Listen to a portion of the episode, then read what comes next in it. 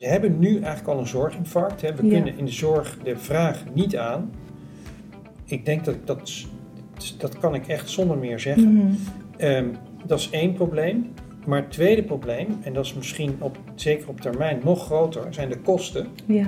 Want eh, die voorspellingen zijn echt schrikbarend. Wat er, eh, als we niks doen met de huidige eh, zorg, wat de kosten dan zijn over eh, 20 en 30 jaar, Mhm. dat wordt zo duur dat, ehm, eh, dat andere sectoren van onze samenleving, die minstens zo belangrijk zijn, veiligheid, eh, onderwijs, ja. dat komt allemaal in het gedrang.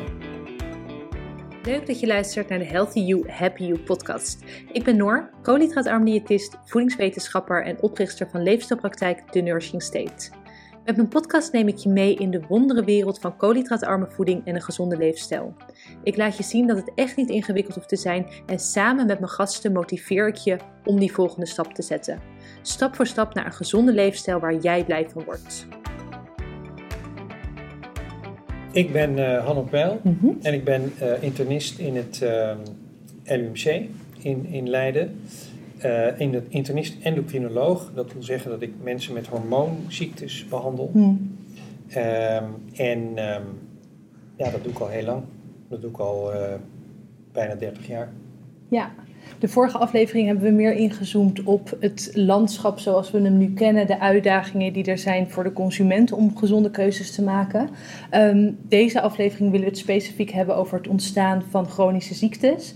Want nou, dat neemt natuurlijk ontzettend toe de laatste tijd. Dat zien we ook volgens mij nog niet hele positieve veranderingen in. Hoe kom jij dat in de spreekkamer tegen? Nou, ik, ik heb ehm, in mijn spreekkamer, ik, ik behandel heel veel mensen met diabetes. En diabetes is één van die eh, chronische, Mhm. niet overdraagbare aandoeningen waar we mee worstelen in de samenleving. Dus ik, ehm, ik, ik kom het, in die zin kom ik dat ook in de klinische praktijk heel veel tegen. Maar ehm, de, ja, die, die diabetes, nogmaals, is, is maar één van de Mhm. ziektes waar we mee kampen in onze Ja. samenleving. We hebben hart- en vaatziektes, we hebben kanker, we hebben ehm, eh, on- ontstekingsziektes, hè, auto-immuunaandoeningen, we hebben depressie, we hebben al die grote astma, reuma.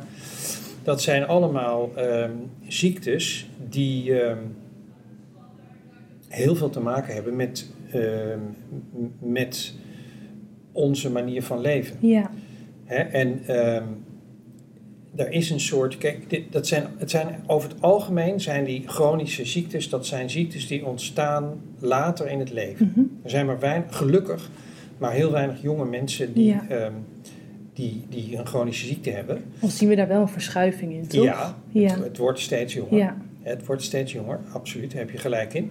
Hè, maar die, dat gegeven, Mhm. dat ehm, heeft geleid tot de misperceptie dat de vergrijzing, dat dat de, oor, de Mm. oorzaak is Ja. van die pandemie van chronische aandoeningen waar wij mee worstelen. En dat, het is echt een pandemie. Want ehm, als je de statistieken ziet van het ehm, Centraal Bureau voor de Statistiek, dan heeft meer dan eh 80% van de mensen boven de 65 jaar Ja. in Nederland heeft één of meer chronische aandoeningen. Het is 80 Het is- dat is echt een hele hoop. bijna iedereen. Boven de 80 is bijna iedereen ziek. Heeft iedereen Ja. wel iets. En ehm, ehm, dat, eh, dat, dat, dus wij vinden het zo gewoon Hmm. daardoor dat als je oud wordt, word je ziek. Dat het idee heerst van ja, we worden allemaal ouder, dus we worden allemaal ziek. En dat is echt een misperceptie. Er zijn ehm, veel voorbeelden in de wereld van mensen die oud worden Mhm. en niet ziek. Ja. En ze gaan toch dood. Want dat is een tweede punt, wat, wat dan altijd terugkomt als ik dat vertel in lezingen. Zeg, ja, maar je moet toch ergens aan dood gaan? Ja, in Nederland gaan we bijna allemaal dood aan een chronische Hmm. aandoening. Maar er zijn dus gebieden in de wereld waar mensen die niet hebben, of veel minder, helemaal niet, is, komt niet voor, bij mijn, bij mijn weten. Maar, en daar komen we zo meteen op waarom dat dan is. Maar, ehm, maar er zijn veel minder mensen met chronische ziektes. En die mensen zonder ziekte, die gaan op een gegeven moment toch ook dood. Ja. En de vraag is dan, waaraan dan? Waarom gaan die mensen dood? Nou, dat, dat heeft dus iets te maken natuurlijk met dat verouderingsproces. Maar wat de exacte oorzaak is van waarom je doodgaat, Mhm. dat is heel vaak is dat niet duidelijk. Ja, als, als je een auto-ongeluk krijgt en, je- en je, je bloed dood of Mhm. je, je hersenen liggen helemaal in de kreukels, dan Ja. is het duidelijk waar je Ja. aan doodgaat. Maar er zijn heel veel mensen die doodgaan zonder dat we heel precies weten waar ze nou precies waar ze Mhm. aan doodgaan. En dat geldt dus ook voor ehm, eh, op, een, op een relatief gezonde eh, manier doodgaan. Om het Ja. maar zo gek genoeg Dus dat is eigenlijk een beetje het, de normaal. Dat je dus niet precies weet waar je aan doodgaat. Dat komt heel veel voor. ja, maar denk dus ik. niet hier. Nee, Nee, want hier, hier, eh, eh, hier is, het, is het bijna altijd een of Hmm. andere ziekte. Waar je, en dan nog hè, is, het, is het soms lang niet altijd duidelijk waarom iemand dan op een bepaald moment de geest geeft. Dus wat is er dan precies wat maakt dat hij ophoudt met Hmm. ademen en, en eh, het hart stopt? Dat is bij veel kankerpatiënten is dat helemaal niet zo heel duidelijk. Hm. Dus, ehm, maar goed, de, de, ehm, dus, dus er zijn veel voorbeelden in de wereld die laten zien dat als je oud wordt, dat je niet ziek hoeft te worden. Nee. En het interessante is dat als mensen in die eh, gebieden waar dat plaatsvindt, hè, Mhm. waar mensen heel oud worden en, en niet ziek, als die mensen verhuizen naar een westers georiënteerd land, dan krijgen ze, worden ze allemaal ziek. Ja. Dus omgeving speelt daarin een hele grote rol. Super belangrijke rol. Speelt een super belangrijke rol.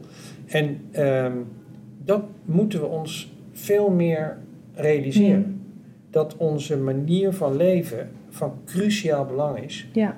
voor nagenoeg, weten we nu steeds beter, al die chronische niet overdraagbare ziekten. Ja, want er wordt natuurlijk ook wel vaak eh, de vraag gesteld van oké, hoeveel is daadwerkelijk genetisch en hoeveel is omgeving en hoeveel is leefstijl? Eigenlijk beantwoord je daarmee de vraag, toch? Want als je dezelfde persoon neemt of dezelfde populatie neemt en die in een ander gebied neerzet en ze ontwikkelen wel die ziektes, Ja. dan zie je hoe groot het effect van de omgeving dus is. Het, on- het eh, effect van de omgeving is reusachtig. Ja, Maar je moet je eh, ehm, eh, realiseren, de, ehm, er is ook invloed van genen hm. en er is ook invloed van ehm, bacteriën in je darm. Dat, Ja. is een, dat is pas recentelijk hebben we eigenlijk zijn we gaan beseffen hoe belangrijk die zijn. We hebben allemaal, ik geloof wel één of anderhalf kilo bacteriën Mhm. in onze darm zitten. En dat is heel veel. En die bacteriën die spelen een cruciale rol in onze gezondheid.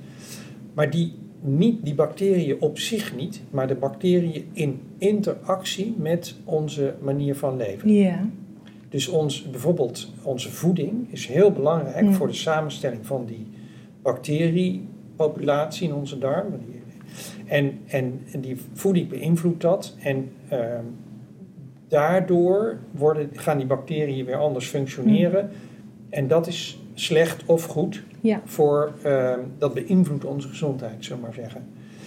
En dus, dus je hebt het allebei nodig. Dus ehm, ik zeg ook vaak van, ja, we leven in onze samenleving allemaal, bijna niemand leeft gezond, hm. Ehm, maar we krijgen niet allemaal dezelfde ziekte. nee, Eh, en dat heeft maar gedeeltelijk te maken, wel een beetje natuurlijk, met dat de een meer alcohol drinkt dan de ander. En eh, de der, een derde rookt sigaretten terwijl eh, iemand anders dat niet doet. Dat, dat, is, dat maakt, bepaalt voor een deel wat voor ziekte je krijgt. Maar het andere gedeelte is je genetische architectuur, je, de, je erfelijke materiaal en die bacteriën in je darm. ja, Je hebt het allemaal nodig om uiteindelijk ziek te worden, zullen we maar zeggen. mhm. ja, Hè, dus die mensen die in die gebieden leven waar ze gezond blijven, die hebben wel de genetische aanleg om ziek te worden. Maar omdat ze de omgeving en hun leefstijl Ja. eh, gezond is, worden ze dat niet. Omgekeerd, als er zijn uitzonderlijk, maar er zijn mensen die zo'n gunstig mhm. genetisch profiel hebben, dat ze zelfs in onze omgeving uiteindelijk 100 worden zonder dat ze, ehm, eh, zonder dat ze een ziekte krijgen. Ja. En om het nog ingewikkelder te maken, we weten ook wel dat ehm, toeval, bot, of botte pech zoals je het wil Hmm. noemen, als je ziek wordt, heeft er ook mee te maken. Het is Ja. niet allemaal. ehm, het is, het- er zit zoveel variatie en ehm, eh, onvoorspelbaarheid Hmm. in de biologie eigenlijk, dat je, je, je kunt ook net een verandering krijgen in je cellen ehm, door toeval. Ja. Ik, om een voorbeeld te geven, dat vind ik altijd heel illustratief. Ik leerde eh, al lang geleden van een, een van de beroemdste genetici Hmm. ehm, in Nederland, eh, Jan Hoeimakers. Die vertelde mij, realiseer je dat, je dat er in elke cel in ons lichaam elke dag 10.000 veranderingen in Hmm. je genen plaatsvinden. 10.000 beschadigingen. En dan hebben we dus ontzettend veel hele prachtige mechanismen die al die beschadigingen aan het Hmm. herstellen zijn. Dus continu wordt die DNA-schade, die genschade, die wordt hersteld. Maar je kunt je natuurlijk heel goed voorstellen dat dat af en toe gewoon misgaat. Hmm. Dat het gewoon door botte pech Ja. misloopt. Ja, dan, dan word je, eh, dan kan je dus, daar kan je ziek van worden. Hmm. Dus, dus het is eh, heel complex. Ehm, dat, eh, waarom je ziek wordt en waarom je, of waarom je gezond blijft. Maar dat is een van de redenen dat ehm, er geen gebied is in de wereld, waarvan ik weet in ieder geval, waar mensen helemaal geen Nee. eh, ziekte kennen. Ziekte hoort eigenlijk bij het leven. Hmm. En eh, dat is dus gedeeltelijk vanwege die pech die je kunt hebben. Maar het is voor een ander deel, ehm, komt het gewoon door het verouderingsproces. Want Ja. dat, dat speelt natuurlijk een rol. Ja. Hè? Veroudering wordt veroorzaakt door schade aan onze cellen, die we oplopen als gevolg van vooral voor, om een heleboel redenen, maar een bela- hele belangrijke is bijproducten van onze stofwisseling. Die beschadigen continu onze cellen. Die schade wordt dus hersteld voor een belangrijk deel, maar voor een deel ook niet. En dat, dat stapelt zich op in onze cellen en dat veroudert ons. Ja. En dat is een proces, dat kunnen we, ja, er zijn wetenschappers die zeggen dat je dat kunt, in ieder geval kunt afremmen. Daar zijn ook wel vrij veel aanwijzingen voor dat dat kan. Maar er zijn ook mensen die zeggen, je kan het zelfs omkeren. Nou, ik betwijfel of dat echt waar Ja. is. Maar, ehm, eh, maar dat verouderingsproces, dat eh, geeft celschade en, en celschade, dat is de basis van ziekte. Hmm. Dus Ja. helemaal zonder ziekte bestaat het leven Nee, niet. dus die twee die hebben we niet in de hand, bottenpech en veroudering. Maar we hebben een derde factor die we wel zelf in de hand Juist. hebben. En waar we ook wel vrij erg de mist mee ingaan op dit moment. Helemaal eens. Helemaal eens. Leefstijl en omgeving. Leefstijl en omgeving Hm. vergroten de kans dat je ziek wordt. Het is ook weer niet zo dat je, je kunt dus ook mazzel hebben. Ja. En je kunt ook eh, je leven lang eh, kun je, eh, kun je sigaretten roken Hm. zonder dat je longkanker krijgt. Ja. Dat is echt mazzel. En heb dat zijn dan de gevallen dat mensen zeggen: ja, maar mijn oma die rookte ook Ja. een pakje per dag en die leeft ook nog steeds. Ja, ja.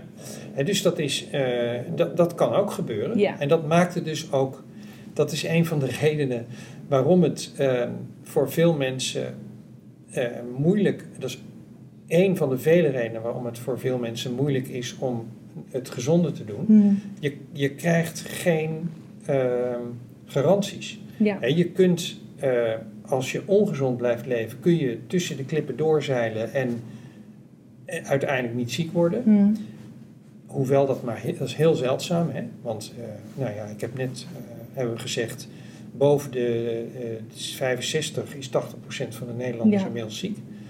Dus, ehm, eh, eh, maar en omgekeerd, als je alles goed doet, kun je door die botte pech Mhm. en, en dat verouderingsproces, kun je toch ziek worden. ja.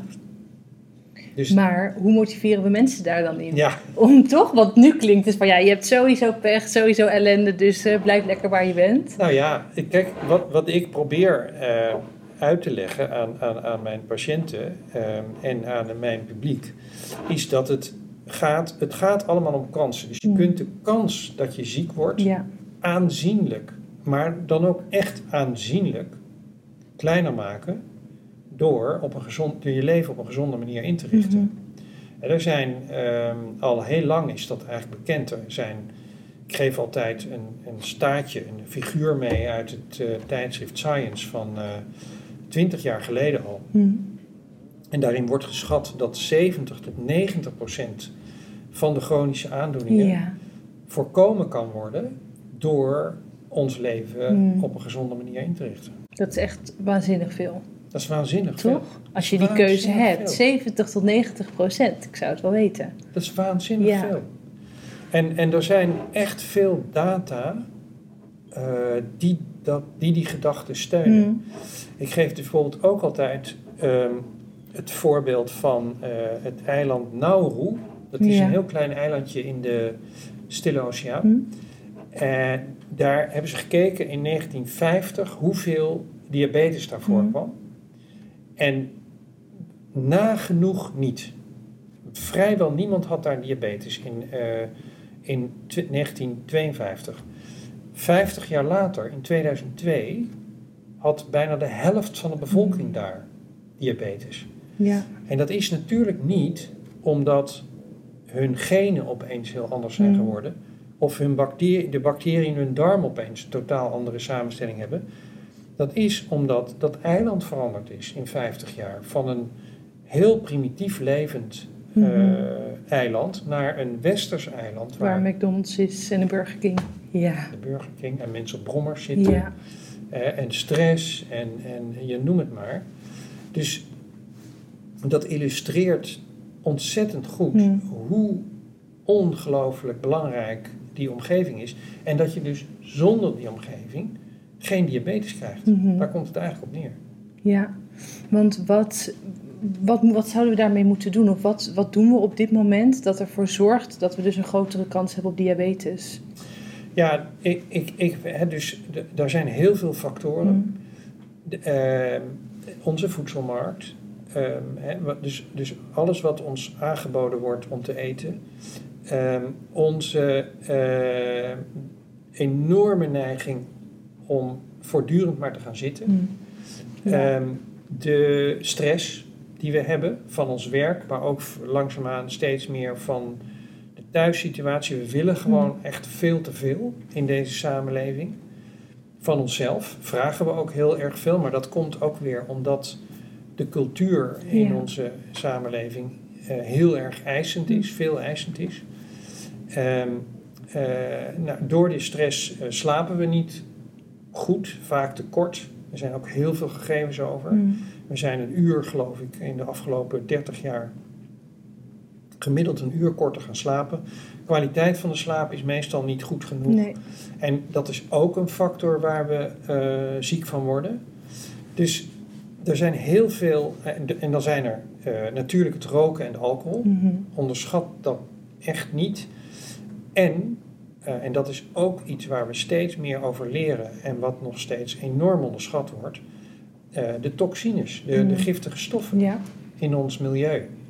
En dus die ademen we in en die eh, komen via onze huid binnen en eh, we eten ze op zonder dat we dat weten. En die zijn ook cruciaal, die beschadigen onze cellen, die maken ons ziek op de lange termijn. Mhm.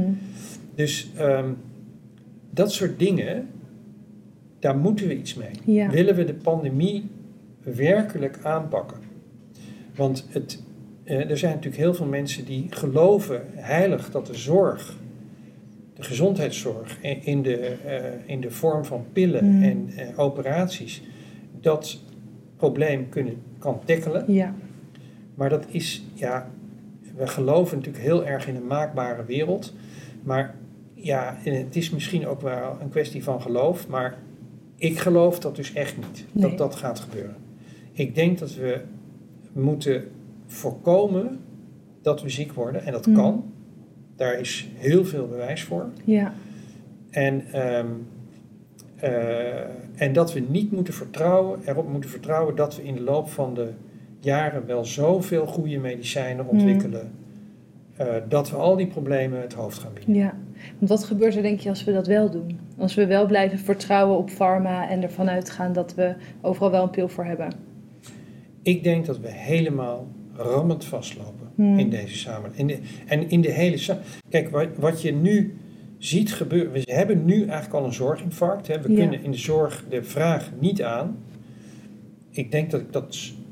Dat kan ik echt zonder meer zeggen. Mhm. Ehm, dat is één probleem.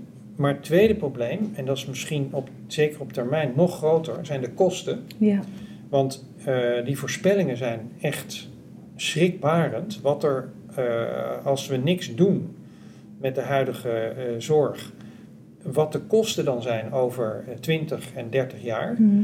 dat wordt zo duur dat, ehm, eh, dat andere sectoren van onze samenleving, die minstens zo belangrijk zijn, veiligheid, eh, onderwijs, ja, dat komt allemaal in het gedrang.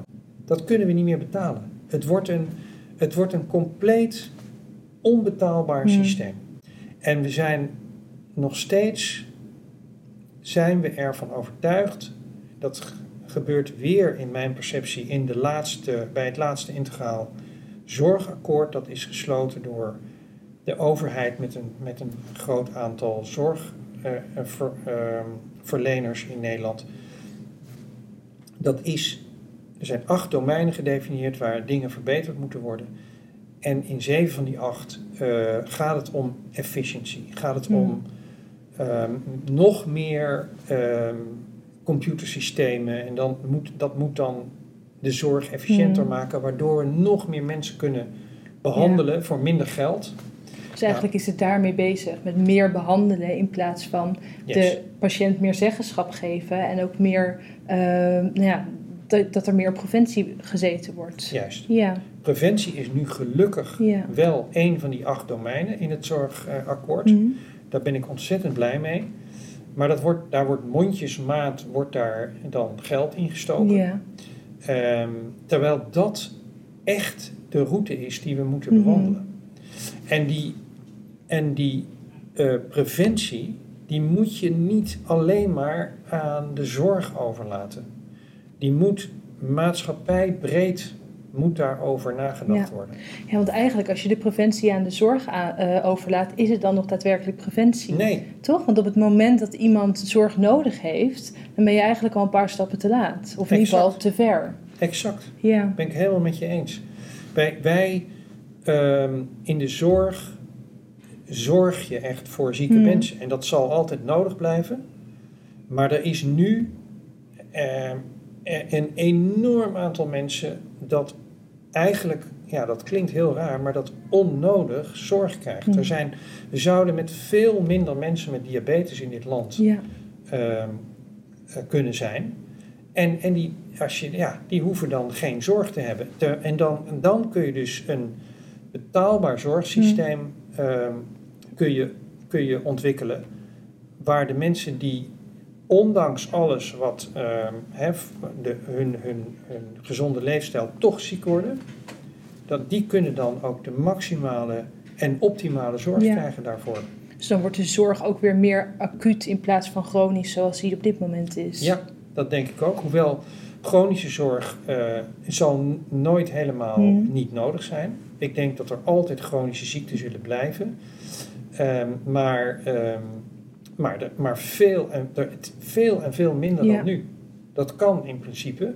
Maar dan moet je wel met z'n allen drastische maatregelen nemen. Ja. En het niet alleen maar aan de zorg overlaten om preventieve maatregelen te nemen. Want waar zouden we dat stuk preventie kwijt kunnen? Ik denk bijvoorbeeld bij sociale zaken. Ik denk bij, eh, eh, bij het ministerie van Landbouw. Mhm. eh, bij, eigenlijk bij, bij alle departementen van de overheid. Maar eh, als het om de politiek gaat, die zouden daar een rol in eh, Mhm. kunnen en moeten spelen. Hè, dus ook de bouw van, eh, van onze steden van de toekomst. Ja. Dus, dus, dus, maar de overheid kan het niet alleen. Hm. Er moet ook een burgerbeweging Ja. zijn die dat steunt en die daar een belangrijke rol in speelt. Die ook initiatieven neemt en de overheid aanspoort om die initiatieven te steunen. Hmm. Het moet van twee kanten komen. Ja. Het kan niet zo zijn dat. De, oh, dat, dat werkt natuurlijk ook niet. Als een overheid allemaal dingen voorstelt. En Nee, de- dan wordt het belerend. Ja, En dat dan- willen we niet. Nee. Maar ik kan me wel voorstellen dat die, ehm, dat die burgerbeweging er wel komt. Ik zie dat wel gebeuren. Ik verwacht dat de burgerbeweging er eerder is dan de veranderingen binnen de overheid die gemaakt worden. Ik hoop het. Ik hoop het wel. Ik hoop het wel, want dan gaat op een gegeven moment die overheid wel mee. Ja, Als de burger, ehm, dat denk ik, want als de, als de burger zijn stem niet laat horen, Mm. dan heeft de politicus al heel snel het idee van ja, maar die burger die, die wil dat helemaal Hmm. niet. Dus ehm, ik moet over vier jaar herkozen worden, dus ik ga dat maar niet voorstellen. Weet je, dat is al- allemaal ingewikkeld in een democratisch Hmm. eh, systeem natuurlijk. Maar ehm, eh, ik, hoop, ik hoop echt dat, er, dat de burgers die overigens steeds meer, ik geloof dat jij dat ook al gezegd hebt, ja. er is ja zeker. beweging. Ja. Er is absoluut beweging. Gelukkig. En ehm, ik hoop dat die stem alleen maar sterker wordt de Mm. komende jaren. Ja. Is dat ook iets wat jij binnen, je, eh, binnen de spreekkamer merkt? Omdat je ook in de eerste podcast aangaf van ja, tien jaar geleden was daar echt nog niet heel veel ruimte voor. Of wilden mensen dat ook nog niet? Is dat nu dus wel meer? Dat als je over leefstijl begint, dat het niet helemaal eh, uit de lucht komt vallen? Zeker, zeker. Ja. Dat is geen twijfel. Er zijn nu steeds meer patiënten die eh, bij mij komen en die, die zeggen van ik, ik wil iets Mhm. met mijn... Wat moet ik doen Ja. zelf om mijn ziekte beter te maken? En dat was 15 jaar geleden, nou dat kwam niet voor. Hmm. Dat kwam niet voor. Of nauwelijks. Ja. En nu, eh, heel veel mensen benaderen mij vanuit het hele land. Ja. Zelfs met, ik krijg e-mails van patiënten uit het hele land. Van wat, wat kan ik, ik heb dit probleem, wat kan ik daar Mhm. zelf aan doen? En dat is, ehm, ja, ik kan helaas niet al die mensen helpen, maar, ehm, maar eh, het is wel een heel, heel gunstig, heel goed teken, vind ik. Ja, ja. Nou ja, en dan wordt het verhaal van oké, er is dus kennelijk een steeds groter wordende vraag. Dus ook heel belangrijk dat er ook een aanbod is van artsen en van ook dus de omgeving die daarin Ja. meebeweegt. Want anders dan wordt het heel, dan, dan wordt het een verdrietig verhaal als mensen wel heel erg graag willen, maar vervolgens niet weten Ja. hoe of met wie of met welke Ja. hulp. Ja, en daar zit, al, daar zit wel een pijnpunt. Ja. Ehm, want er zijn veel mensen die heel graag iets willen en die bij hun dokter eh botvangen. Ja, En dat komt omdat dokters niet opgeleid zijn Mhm. om iets met leefstijl te Nee. doen. Dokters geloven er vaak nog steeds Mhm. niet in, hoewel ook daar een hele duidelijke Ja. beweging gaande Ja. is hoor. Zeker onder huisartsen, maar ook Ja. bij, hier in huis bijvoorbeeld, onder Mhm. de specialisten, is steeds meer voeling met eh, dat, er, dat er iets moet gebeuren. Ehm, maar er zijn nog steeds veel artsen die als een patiënt bij ze komt, dan zijn er artsen die, die ook ronduit zeggen van nou, daar zou ik maar niet aan beginnen, want het helpt Mhm. toch niet. Dat zijn er gelukkig steeds minder, maar er zijn er een heleboel die zeggen ja, maar daar weet ik niks van. ja. Dus u moet maar dat op een andere manier uitzoeken, want daar kan ik u niet in adviseren. Nee. En dat is heel frustrerend voor patiënten. Ja, want dan ben je op het punt van oké, ik wil hier wat mee, ik neem mijn gezondheid serieus, eh, ik wil, ik wil stappen gaan zetten. Ja. En dan heb je dus eigenlijk een dichte deur. Ja. Wat zou je patiënten die nu mogelijk luisteren daarin aanraden? Heel eh, lastig vind ik dat. Ja. Omdat je moet eigenlijk een dokter vinden die, ehm, die voeling heeft met en verstand heeft van voeding en, en, en, en leefstijl in het Mhm. algemeen in relatie tot ziekte. En de meeste dokters, de overgrote meerderheid van de dokters, moet ik zeggen, is helemaal niet opgeleid daarin. Nee. Daar zijn we nu mee bezig om dat wel te doen. In de Mhm. basisopleiding komt veel meer aandacht voor de relatie tussen leefstijl Ja. en ziekte. Ehm, maar daar hebben patiënten nu nog niks aan. Want Nee. de meeste dokters. Dus je moet op een of andere manier moet je een dokter vinden die ehm, daar wel voeling mee heeft. En ehm, ja, de, het, het beste op, op het gevaar af dat ik, dat ik nu eh, de vereniging Arts en eh, Leefstijl overlaat met e-mails en Mhm. telefoontjes. Maar er is een vereniging Arts Ja. en Leefstijl.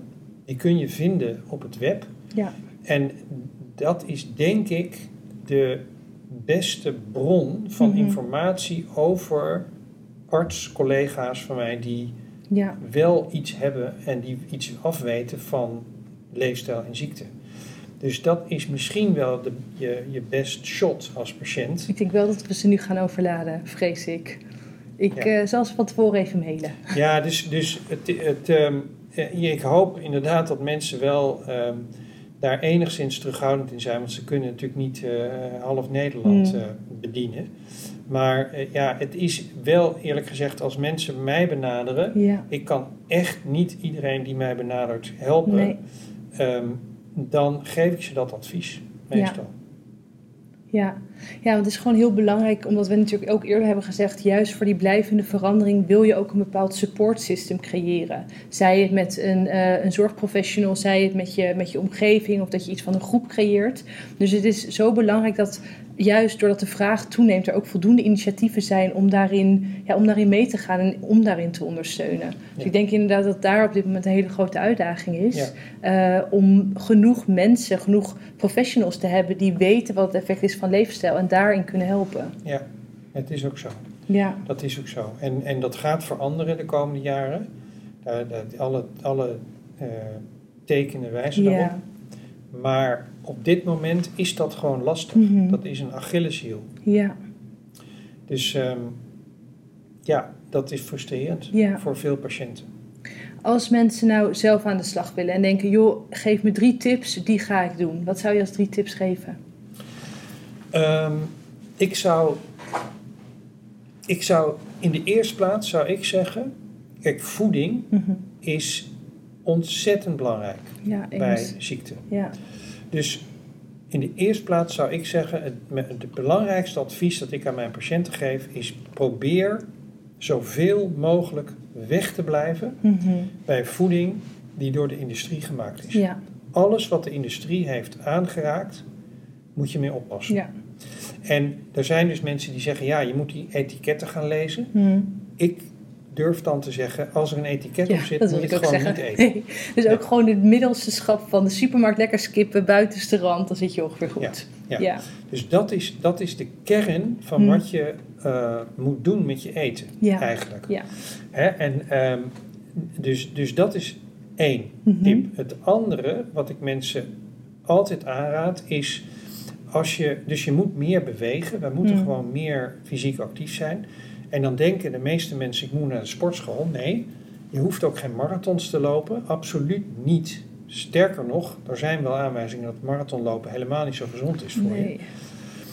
Wat je moet doen is de hele. Je moet proberen om matig intensieve Hmm. inspanning in te bouwen in je dagelijks leven. Ja. Dus wat ik bijvoorbeeld doe, is ik neem hier in, in huis en overal trouwens altijd de trap Hmm. in plaats van de lift.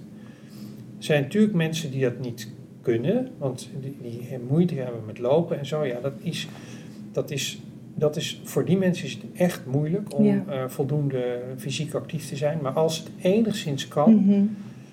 neem de lift, eh, neem de trap in plaats van Ja. de lift, neem de fiets in plaats van de auto. Maak een wandeling naar de winkels. ehm, hè, doe zoveel mogelijk te voet. Mhm. Ehm, dat zijn dingen die echt belangrijk Ja. zijn voor je gezondheid. En dat is interessant, want ik denk juist dat veel mensen, ook waarschijnlijk mensen die luisteren, denken van joh, maar daar ga ik, daar ga ik het niet mee winnen. Daar ga ik het niet mee Dat redden. is, dat is een misperceptie. ja, hè? Ja. dat is echt een misperceptie. Het is ontzettend belangrijk Hmm. voor je gezondheid. En ehm, het, het zal, wat een van de, een van de dingen die eh, wel, eh, denk ik, waar zijn, is dat je daar, als je alleen dat doet, eh, dat je daar niet eh 20 kilo mee gaat Hmm. afvallen. Dus mensen hopen vaak dat ze er heel veel gewicht mee verliezen. Dat is denk ik eh, meestal niet het geval. Daar moet je, als je, maar als je het combineert Met je voeding. met je voeding, Ja, dan zeker. ga je gewicht verliezen. Ja, Als je dat tenminste goed volhoudt. Hmm. En dat is natuurlijk altijd de crux van het hele verhaal. Ja. Hoe doe je dat nou duurzaam? Maar dus dat is, dat is eigenlijk eh, tip 2. ja. En de derde tip, eh, die is het lastigste. Hm. En dat is, ehm, heel veel mensen hebben stress. Stress is een Ja. factor van belang. Ja. Eh, dus chronische stress, hè, acute stress, al af en toe eventjes Mm. is helemaal niet erg. Maar als je in, in hele moeilijke situaties zit, dat is op de langere termijn echt niet goed voor je gezondheid. Probeer dan iets met die stress te doen. Ja. En het is vaak heel lastig om de omstandigheden te vermijden Mm. waarin je stress, stress hebt. Dus dan moet je proberen om op een andere manier met die omstandigheden om te gaan. En dat is ontzettend lastig. Dat besef ik heel goed. Ehm, maar toch adviseer ik mensen om daarover na te denken Mhm. en om daar desnoods met een professional over te spreken. Ja. Omdat, je, ehm, omdat, ja, omdat het op termijn gewoon echt ongezond is Mhm. voor je. Ja, en het een natuurlijk ook heel erg met het ander te maken heeft. Kijk, je, ehm, als je heel leuk veranderingen in je voeding en in je beweging teweeg wil brengen, maar jij ervaart zoveel stress dat er eigenlijk geen ruimte voor Ja. is. Ehm, en dan heb je vervolgens het idee van, oh ja, maar ik maak niet genoeg progressie of ik doe niet genoeg, wat weer zorgt voor extra stress. Dus dan beland je ook heel makkelijk, Ja. denk ik, in een negatieve cirkel of negatieve spiraal, wat je uiteindelijk natuurlijk wil voorkomen. Ja, ben ik helemaal met je eens. Ja, Ja. dus zeker inderdaad die combinatie. En ja, om daar hulp bij te zoeken. Maar dat is denk ik weer zo'n andere bottleneck. Want ook daar hebben we natuurlijk gewoon wachten. Ja, we willen daar niet een te negatief verhaal van maken. Maar het is wel, nou ja, het is, het is een lastige Er situatie. zijn uitdagingen. Ja, Ja, er ja. zijn uitdagingen. Laten we het uitdagingen noemen. Goed. Maar in ieder geval om met deze tips aan de slag te gaan. Ehm, en ook weer een stukje bewustwording. Weet je, dus ook de, het idee van ga vooral niet alleen naar een, een arts toe en denk van joh, dan slik ik de medicatie en dan zal het wel en dan is dat wat ik kan doen. Er is echt veel meer mogelijk. Juist als je ook het heft in eigen hand gaat nemen, je omgeving daarbij gaat betrekken en Ja. dan gewoon stapje voor stapje daar goede keuzes in gaat maken. Ja. Ben je klaar om in actie te komen? Top! Toch wat twijfels of vragen? Je hoeft het niet alleen te doen. Plan via onze website www.thenursingstate.com een vrijblijvend kennismakingsgesprek in. Dan denken we persoonlijk met je mee of een koolhydraatarme leefstijl ook bij jou past. Tot slot wil ik je om een kleine gunst vragen. Wil je de Healthy You, Happy You podcast beoordelen op Spotify of Apple Podcast? Dan kan ik nog meer mensen helpen naar een healthy, happy leven. Dankjewel en tot de volgende keer.